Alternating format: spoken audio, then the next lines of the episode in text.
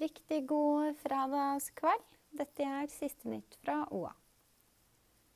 Fylkesleder Johan Aas i Innlandet Fremskrittsparti har bedt andrekandidat Anne Karin Synstelin i Vestre Toten Frp forklare seg etter å ha skrevet islamkritiske kommentarer på Facebook-sida til Stopp islamiseringa av Norge.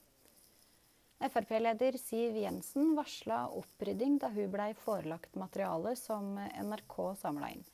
Hun ba fylkeslederne om å kontakte dem det gjaldt, og vurdere sanksjoner. Fylkesleder Aas sier han har avtalt et møte med Synstelin etter valget.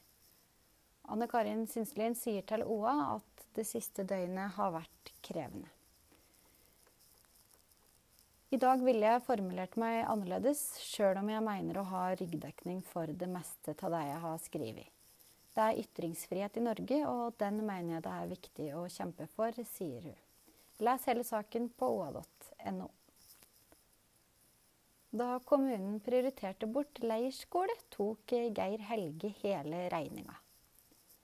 Det er eh, tredje året tiendetrinn ved Dokka ungdomsskole er tre dager i Syndfjellet på Camp Krokhølen. Men i år kunne det blitt eh, slutt på leirskoleoppholdet. Nordre Land kommune gjorde noen kutt i rammene til skole i budsjettet for 2019, og skolen valgte å prioritere bort eh, leiroppholdet i Syndfjellet. Geir Helge Frøslid ville at tilbudet til ungdommer skulle fortsette, men har ikke hatt tid til å gå runden hos andre i næringslivet. Derfor tok han regninga sjøl. 86-åringen som sto tiltalt for å ha utnytta en kvinne med utviklingshemning, er eh, i Gjøvik tingrett dømt til tre års betinga fengsel og til å betale en oppreisning på 160 000 kroner. Straffeutmålinga er i tråd med aktors påstand om betinga fengsel i tre år.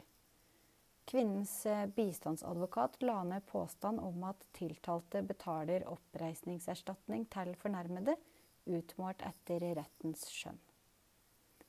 Forsvarers eh, påstand var frifinnelse, subsidiært at tiltalte anses på mildeste måte. Dette var altså siste nytt fra OA. Ha en riktig god helg.